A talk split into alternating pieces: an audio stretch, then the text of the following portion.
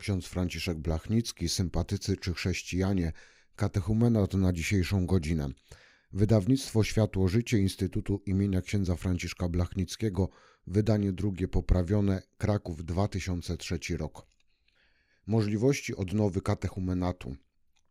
Nowe obrzędy chrztu dorosłych i dzieci liczą się już z odnowieniem instytucji podobnych do katechumenatu. Przede wszystkim po II Soborze Watykańskim został wprowadzony podwójny obrzęd Chrztu Świętego dla dzieci i dla dorosłych. Księgi liturgiczne o chrzcie dla dzieci nawiązują w pewnej mierze do obecnego obrzędu, zawierają bowiem pytania, które stawia się dorosłym, rodzicom lub chrzestnym, którzy przynoszą dziecko do chrztu. Dawniej obrzęd chrztu dorosłych był stosowany także przy chrzcie dzieci. We wspomnianym wcześniej dokumencie obrzęd wtajemniczenia chrześcijańskiego dorosłych obejmuje łącznie chrzest, bierzmowanie i Eucharystię. Jeżeli człowiek dorosły przystępuje dzisiaj do chrztu, to powinien przedtem odbyć katechumenat. Podobnie starsze dzieci, powiedzmy kilkunastoletnie, w okresie przygotowania do chrztu powinny odbyć katechumenat. Niestety jest to jeszcze martwy przepis. Owszem, w krajach misyjnych ten porządek jest zachowywany, ale u nas i na Zachodzie coraz częstsze są przypadki udzielania chrztu dorosłym w pośpiechu, bo jest wymagany przed zawarciem związku małżeńskiego. Rzadko kiedy duszpasterze zdają sobie sprawę z tego, że według obowiązujących przepisów przygotowanie powinno się odbyć w formie katechumenatu, który zakłada pewne etapy, stopnie, obrzędy itd. Wiem, że na przykład w Niemczech, przynajmniej w niektórych ośrodkach, księża przeprowadzają taki katechumenat. Jak można by dzisiaj ten brakujący katechumenat wprowadzić w życie Kościoła?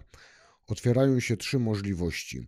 Mianowicie katechumenat uzupełniający dla ludzi już ochrzczonych i dorosłych, którzy jednak nie byli nigdy wprowadzeni w życie wiary, albo tylko powierzchownie. Nowy porządek chrztu dorosłych wyraźnie wspomina o tym, że często mamy do czynienia z ludźmi ochrzczonymi, ale faktycznie poganami.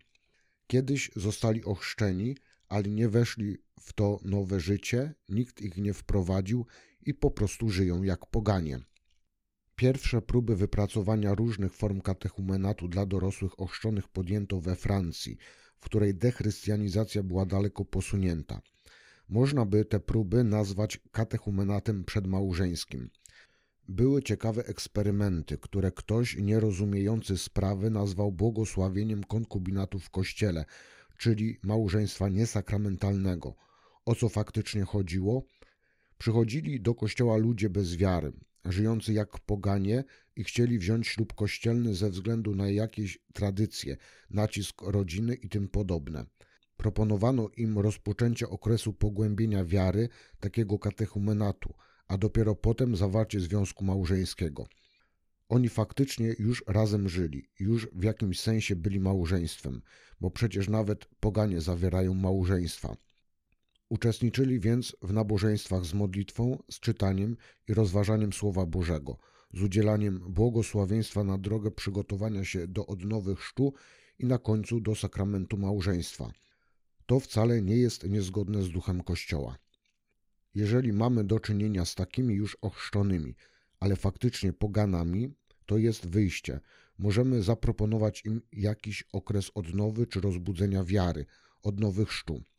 Takich ludzi jest bardzo dużo, ale my zbyt łatwo, przynajmniej w Polsce, przechodzimy nad tym do porządku dziennego, napędzamy wszystkich do sakramentów i zakładamy, że to już są wierzące. Nawet nie mamy odwagi pytać, jaką naprawdę mają wiarę. Trzeba pomyśleć o jakiejś formie katechumenatu uzupełniającego dla ludzi ochrzczonych, dorosłych, którzy właściwie nigdy nie byli wprowadzeni w życie chrześcijańskie. Druga sprawa to zorganizowanie uzupełniającego katechumenatu dla ochrzczonych dzieci i dla młodzieży. Ten katechumenat można połączyć z pierwszą komunią świętą albo z przyjęciem sakramentu bierzmowania. Ale jest chyba problem, ponieważ dzieci przystępują do pierwszej komunii w wieku 9 lat, a to oznacza, że nie są jeszcze zdolne do przeżycia katechumenatu, ponieważ nie są zdolne do świadomej, samodzielnej, odpowiedzialnej decyzji. Wydaje mi się, że jest dużo przesady z tą pierwszą komunią świętą i z tym najpiękniejszym dniem w życiu. jak to sentymentalnie się mówi, a potem wspomnienia. Jeżeli dziecko nie wzrasta w atmosferze wiary, w otoczeniu chrześcijańskiej rodziny, to ta pierwsza komunia niewiele daje. Coraz częściej spotykamy się z taką sytuacją, że pierwsza komunia święta jest zarazem ostatnią w życiu. To się stało tylko piękną tradycją i zwyczajem, wspomnieniem o trwałych ondulacjach, szwajcarskich zegarkach, sukniach i przyjęciach prawie weselnych. Z komuniami jest związany dobrze rozwinięty interes, są rozmaite komercyjne powiązania, ale niestety to przygotowanie nie jest katechumenatem. Wreszcie trzecia sprawa to przywrócenie właściwego katechumenatu dorosłych nieochrzczonych. Ten nowy porządek inicjacji chrześcijańskich dorosłych przewiduje, że na podobieństwo tego katechumenatu będą wprowadzone pewne formy w duszpasterstwie, które by uzupełniły braki formacji katechumenalnej. W Niemczech, we Francji, także w innych krajach są podejmowane próby, ale nie weszło to jeszcze w normalną praktykę duszpasterską Kościoła. Trzeba do tego doprowadzić, inaczej kryzys będzie się pogłębiał. Rodzinny katechumenat. Powszechnie przyjęty jest i trwa już od wielu wieków zwyczaj udzielania chrztu dzieciom, a właściwie niemowlętom krótko po urodzeniu. Przez wiele wieków istniał taki zwyczaj i nikt się nad tym specjalnie nie zastanawiał, ale dzisiaj coraz częściej podnosi się problem, czy to ma sens, czy nie powinno być inaczej. Praktyka chrztu niemowląt jest bardzo stara, sięga pierwszych wieków chrześcijaństwa. Powstała w sposób bardzo naturalny. Chrześcijanie wchodzący w związek małżeński, kiedy rodziły się im dzieci, pragnęli, żeby one jak najprędzej uczestniczyły w tym, co dla nich rodziców było sprawą bardzo ważną i stanowiło wielką wartość, mianowicie, by uczestniczyły w nowym życiu, życiu przyniesionym przez Chrystusa i Jego Ducha. Dzisiaj mówi się, że dzieci, gdy dorosną, powinny same zdecydować, czy chcą być chrześcijanami, czy nie. Taka jest współczesna argumentacja przeciw praktyce chrztu niemowląt. Chrzest powinien być decyzją osobistą, dojrzałą. Trudno sobie wyobrazić sytuację, że rodzice żyją świadomością przynależności do Chrystusa, że mają Ducha Świętego, a ich dzieci są poganami. Pod jednym dachem żyją razem chrześcijanie i poganie. Wyobraźmy sobie tych wiele lat życia w rodzinie, kiedy się czeka, aż dziecko dojrzeje i samo podejmie decyzję o swoim chrzcie. Rodzice mają swoje praktyki religijne, modlą się, chodzą do kościoła, a dzieci nie mogą, są przecież poganami. To byłaby sytuacja całkiem nienaturalna, niemożliwe, żeby była w planach Bożych. Obecnie w praktyce Kościoła jest tylko pewne odwrócenie porządku. Normalnie powinno być tak: ewangelizacja, czyli głoszenie prawd wiary, głoszenie Ewangelii, potem przyjęcie jej przez wiarę, przyjęcie Chrystusa, w końcu chrzest jako przypieczętowanie nawrócenia i przyjęcia Chrystusa, wejście do wspólnoty wierzących, czyli do Kościoła. Tak zawsze było i jest nadal w odniesieniu do dorosłych, którzy dopiero zapoznają się z chrześcijaństwem, z Ewangelią. Przeżywają najpierw ewangelizację i katechumenat, czyli przygotowanie do wejścia w społeczność Kościoła, a dopiero potem otrzymują chrzest.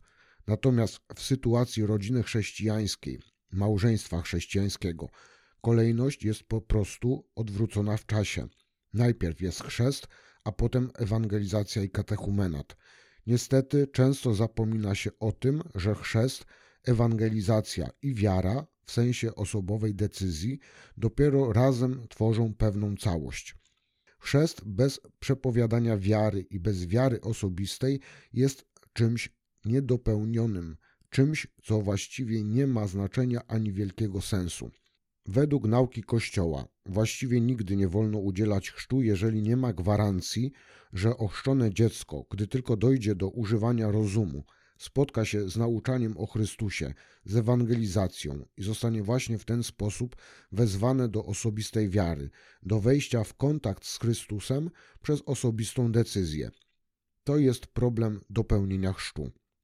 Sytuacja, jaka wytworzyła się dzisiaj, jest taka, że bardzo często brakuje tych elementów dopełniających, a ponieważ jest jeszcze jakaś świadomość, że dziecko ochrzczone powinno spotkać się z nauką chrześcijańską, że powinno być wprowadzone w praktyki religijne, to rodzice posyłają dzieci na tak zwaną naukę religii. Ogólna świadomość jest taka, że jest to obowiązkiem Kościoła urzędowego, reprezentowanego przez księży, nauczycieli religii, katechetów.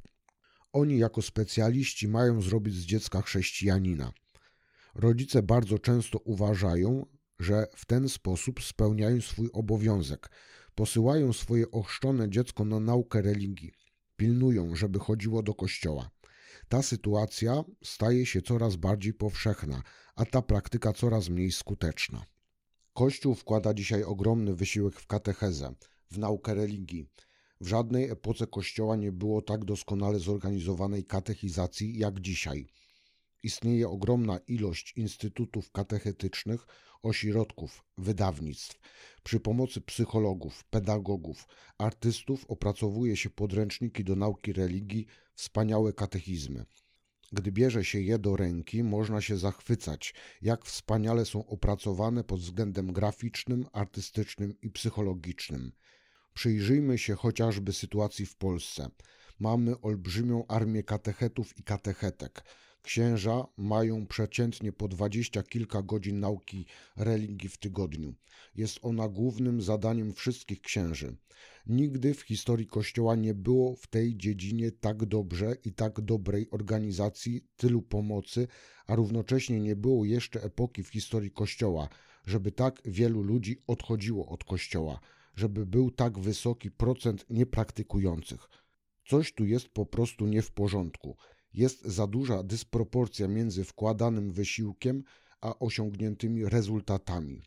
W czym leży przyczyna takiego stanu rzeczy? Faktem jest, że 70, a w niektórych rejonach 90 i 100% dzieci uczęszcza na katechizację w wieku szkoły podstawowej, natomiast młodzieży mamy już tylko 25%, a duszpasterstwo akademickie obejmuje może 5% studentów w skali ogólnopolskiej. Gdy młodzi ludzie przychodzą do kościoła w związku z tym, że chcą przyjąć sakrament małżeństwa, najczęściej stwierdzamy, że mamy do czynienia z analfabetami w życiu religijnym. Podobne zjawiska odnotowuje się we Francji, w Belgii. Czytałem niegdyś w Belgii pewien artykuł, w którym autor stawiał tezę, że dzieci ze szkół państwowych, w których nie ma nauki religii, mają bardziej poprawne pojęcie Boga i chrześcijaństwa niż dzieci ze szkół, w których jest nauka religii. Coś tu jest nie w porządku. Dzisiaj jest czas, by szukać przyczyn takiego stanu rzeczy, źródeł kryzysu. Właściwie już wiemy, dlaczego tak jest. Doświadczenia i badania wykazały, że ludźmi wierzącymi, praktykującymi pozostają tylko te dzieci i ta młodzież, która wychodzi z rodzin praktykujących, ze środowiska rodzinnego, w którym wiara jest praktykowana. Te dzieci nawet bez nauki religii pozostają wierzące i praktykujące. Natomiast jeżeli nie ma fundamentów w życiu rodzinnym, to nawet nauka religii wiele nie pomoże. Pomimo tego, że o tym wiemy, to nie potrafimy konsekwentnie działać w jaki sposób dzieci dochodzą do postaw religijnych i moralnych, w jaki sposób dzieci stają się w swoich postawach, praktykach wierzącymi, żyjącymi w zgodzie z sumieniem, zachowującymi przykazania Boże. Dziecko, które uczy się podczas katechezy na pamięć wszystkich przykazań Bożych i kościelnych, wszystkich prawd wiary, niewiele z tego osiąga. Z tego wcale nie wynika, że będzie wierzące i praktykujące, że będzie kierowało się poznanymi zasadami w życiu. Dziecko bowiem dochodzi do postaw religijno-moralnych przez partycypację, to jest przez uczestnictwo w postawach religijno-moralnych ludzi dorosłych. Dziecko po prostu uczestniczy w sposobie postępowania, wartościowania, praktykowania dorosłych z najbliższego otoczenia, zwłaszcza tych, z którymi jest związane więzami miłości i sympatii. Jeżeli dziecko ma rodziców, którzy klękają do modlitwy, którzy mówią o Panu Bogu jako o kimś naprawdę żywym, z kim trzeba się liczyć w swoim postępowaniu, którzy poważnie traktują nakazy etyczne, przykazania, którzy nie kłamią, nie obmawiają innych ludzi, to wówczas dziecko naturalnie wrasta w te postawy, w taki sposób myślenia, oceniania sytuacji, działania bez jakiegoś specjalnego wysiłku. Istota rzeczy leży w tym, żeby było środowisko wiary.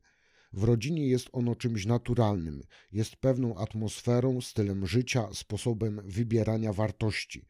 Gdy natomiast dziecko co innego słyszy od siostry zakonnej czy księdza na katechezie, a co innego widzi w domu rodzinnym, to przeżywa konflikt. W końcu prawie zawsze atmosfera, styl życia rodzinnego będzie dominujący. To, co się dokonuje w rodzinie, jest czymś nie do zastąpienia, a wszelkie próby dokonania tego poza rodziną są w większości przypadków syzyfową pracą. Dlatego dzisiaj należałoby postawić na katechumenat rodzinny, ale to nie znaczy, że w rodzinie trzeba prowadzić jakieś wykłady religijne, że na przykład trzy razy w tygodniu ojciec lub matka powinni zebrać dzieci i nauczyć religii. To nie o to chodzi. Rodzina musi się stać środowiskiem życia z wiary, środowiskiem, w którym wartości religijno-moralne rzeczywiście są respektowane. Wtedy rodzina spełni swoje zadanie, to znaczy wprowadzi młode pokolenie w styl życia, w postawy chrześcijańskie. Przez przeszło tysiąc lat w kościele nie było żadnej katechizacji, żadnej nauki religii. Była tylko rodzina i była liturgia.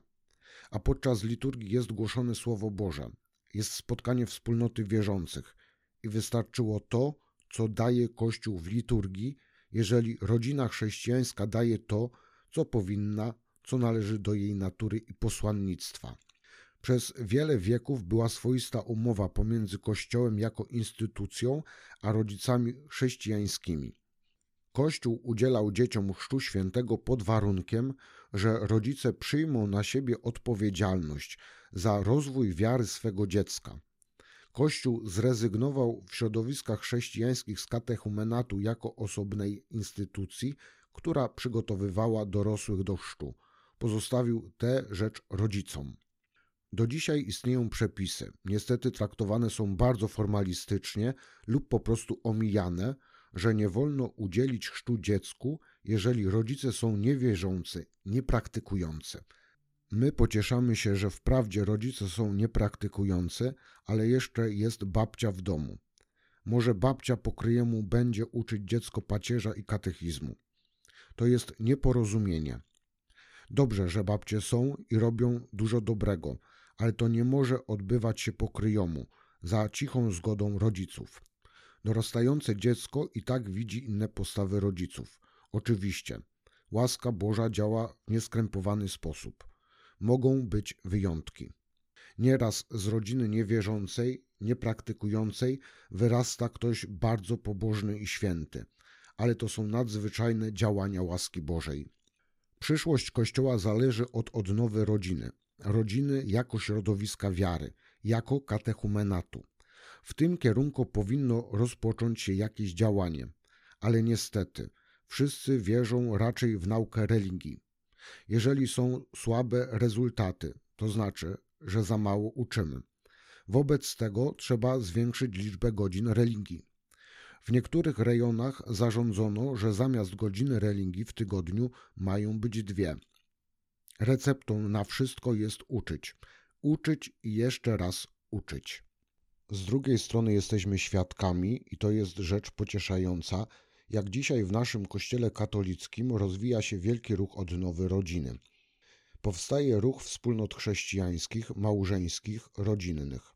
We Francji powstał ruch Equipe Notre Dame, założył go ksiądz Henry Caffarel. On w 1938 roku zaczął pracować z małżeństwami i wspólnie wypracowali tak zwaną duchowość małżeńską. Dzisiaj istnieją już dziesiątki tysięcy takich właśnie ekip złożonych z kilku małżeństw, które wspólnie pielęgnują ideał małżeństwa i rodziny zgodny z Ewangelią. Wysiłek idzie w tym kierunku, żeby rodzina znów stała się małym kościołem, czyli wspólnotą, w której urzeczywistnia się to, co jest istotą Kościoła. Wracamy do wzorów starochrześcijańskich. Słowo Kościół w dziejach apostolskich czy listach ma kilka znaczeń. Najpierw jest to kościół domowy. Święty Paweł pisał listy do kościoła, który był w domu konkretnej rodziny. Podczas swoich apostolskich podróży przyjeżdżał do miejscowości i zamieszkiwał w domu jakiejś rodziny. Ewangelizował i chrzcił wszystkich jej członków, również służbę. Tak rodził się Kościół domowy. Dopiero potem słowo Kościół nabrało również innego znaczenia, jako Kościół lokalny, kiedy więcej rodzin gromadziło się w jednej miejscowości. Domowy Kościół to rodzina, w której jest wspólna modlitwa, w której Pismo Święte jest nie tylko na półce pięknej, nieraz biblioteki domowej, ale jest księgą życia, którą się wspólnie czyta i która kształtuje postępowanie.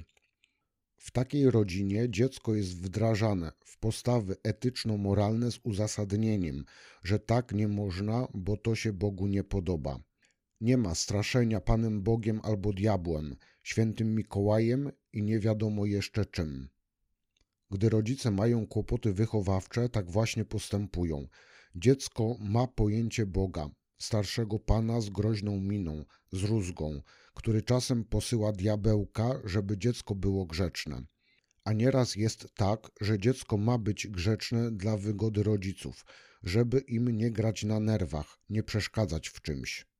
Funkcjonuje taki właśnie ideał dziecka, które nigdy nie płacze, nigdy nie krzyczy, nigdy niczego nie popsuje. Kiedy pracowałem w Tychach, miałem gromadę kilkudziesięciu ministrantów. Oczywiście ciągle koło kościoła było głośno, były krzyki i bieganie, ale przy ołtarzu zawsze byli grzeczni i dobrze przygotowani. Jednak jak wypadali z kościoła, to wiadomo. Ciągle miałem małe awantury, to z proboszczem, to z siostrą w zakrystii, to z kościelnym, to z organistą. Zawsze ze stoickim spokojem pytałem, które przykazanie boskie zakazuje dzieciom krzyczeć i skakać. Dzieci mają prawo do tego, to jest ich natura. Dobrze, że w kościele tak się nie zachowują.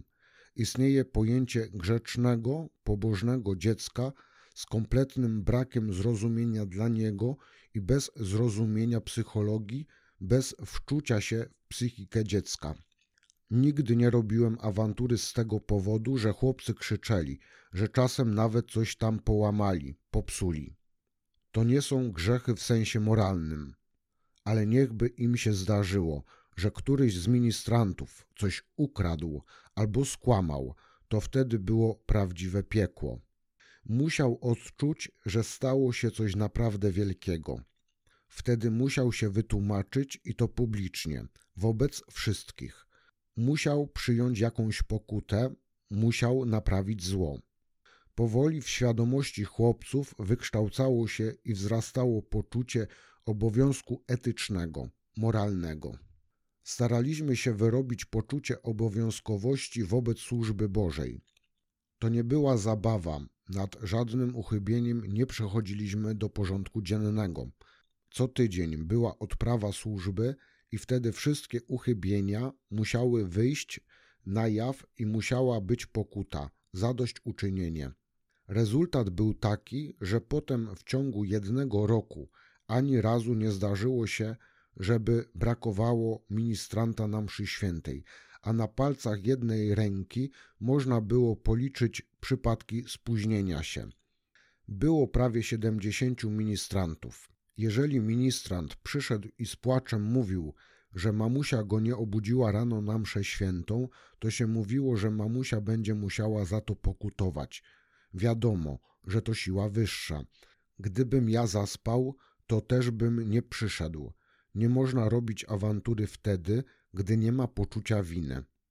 To samo trzeba by zastosować w każdej rodzinie oby była zdrowa reakcja na różne sytuacje i właściwa hierarchia wartości. Dziecko potem może być nie wiem w jakiej szkole, w środowisku ateistycznym na studiach. Ten fundament pozostaje na zawsze. To jest jedyna właściwa droga do zmiany sytuacji. W ruchu oazowym zaczęliśmy pracować z dziećmi, a potem z młodzieżą. Wyniki były właściwie bardzo dobre. Potem okazało się jednak, że ta młodzież, która z entuzjazmem i z zapałem uczestniczyła w oazach, gdy opuszczała szkołę średnią, gdzieś się gubiła i znikała. Jaka była tego przyczyna? Jeżeli prowadzi się jakąkolwiek działalność religijną czy inną, na przykład w formie ruchu z szyldem tylko dla młodzieży, to wyniki zawsze będą słabe i mizerne. Młodzież ma taką świadomość, że póki jest się młodym, to jest dla mnie, ale przecież każdy staje się dorosłym i wyrasta z tego. Praca oazowa z młodzieżą nie ma sensu, jeżeli równolegle nie ma pracy z rodzicami, z dorosłymi.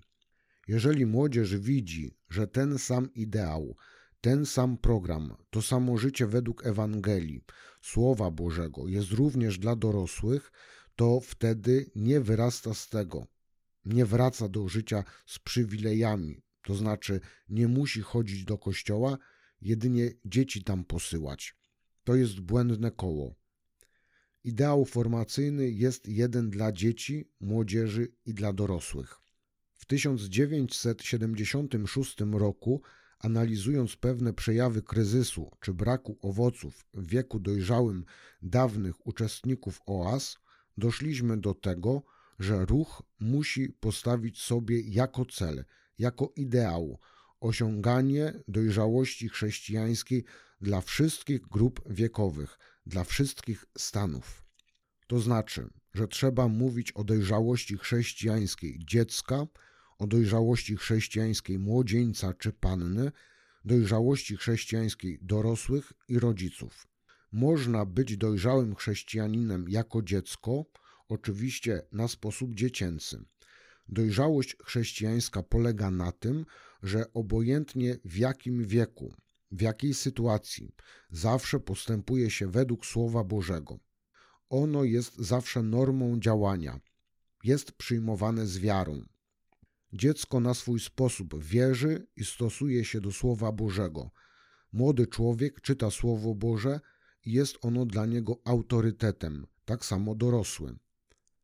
Każdy ma odniesienie do tego samego autorytetu, ale każdy na sobie właściwy sposób. Dlatego w oazach pracujemy osobno z dziećmi, osobno z młodzieżą, osobno z dorosłymi, osobno z rodzinami. Ale wszędzie pokazujemy ten sam model dojrzałości chrześcijańskiej. Mamy mnóstwo doświadczeń, że młodzi, przyjeżdżając z oazy, zapraszają do niej swoich rodziców albo odwrotnie. Rodzice zachęcają dzieci. Staramy się oczywiście uwzględniać okres rozwoju, psychologię, potrzeby różnych grup, ale u podstaw jest ten sam ideał formacyjny i dlatego ta praca owocuje w rodzinie. Sytuacja idealna jest wtedy, gdy rodzice jadą na oazy z małymi dziećmi. Starsze dzieci w wieku młodzieżowym lub studenckim do innej oazy, ale w końcu wszyscy spotykają się w tej małej wspólnocie, jaką jest rodzina, która staje się domowym kościołem, wspólnotą wiary. W takiej rodzinie jest inna atmosfera, styl życia. W jakiś bardzo prosty, naturalny sposób żywa jest modlitwa, Słowo Boże i uczestnictwo w liturgii. To dopiero decyduje o trwałości samej rodziny i o pokoju w życiu rodzinnym. W takiej rodzinie wyrastają ludzie rzeczywiście dojrzali jako chrześcijanie.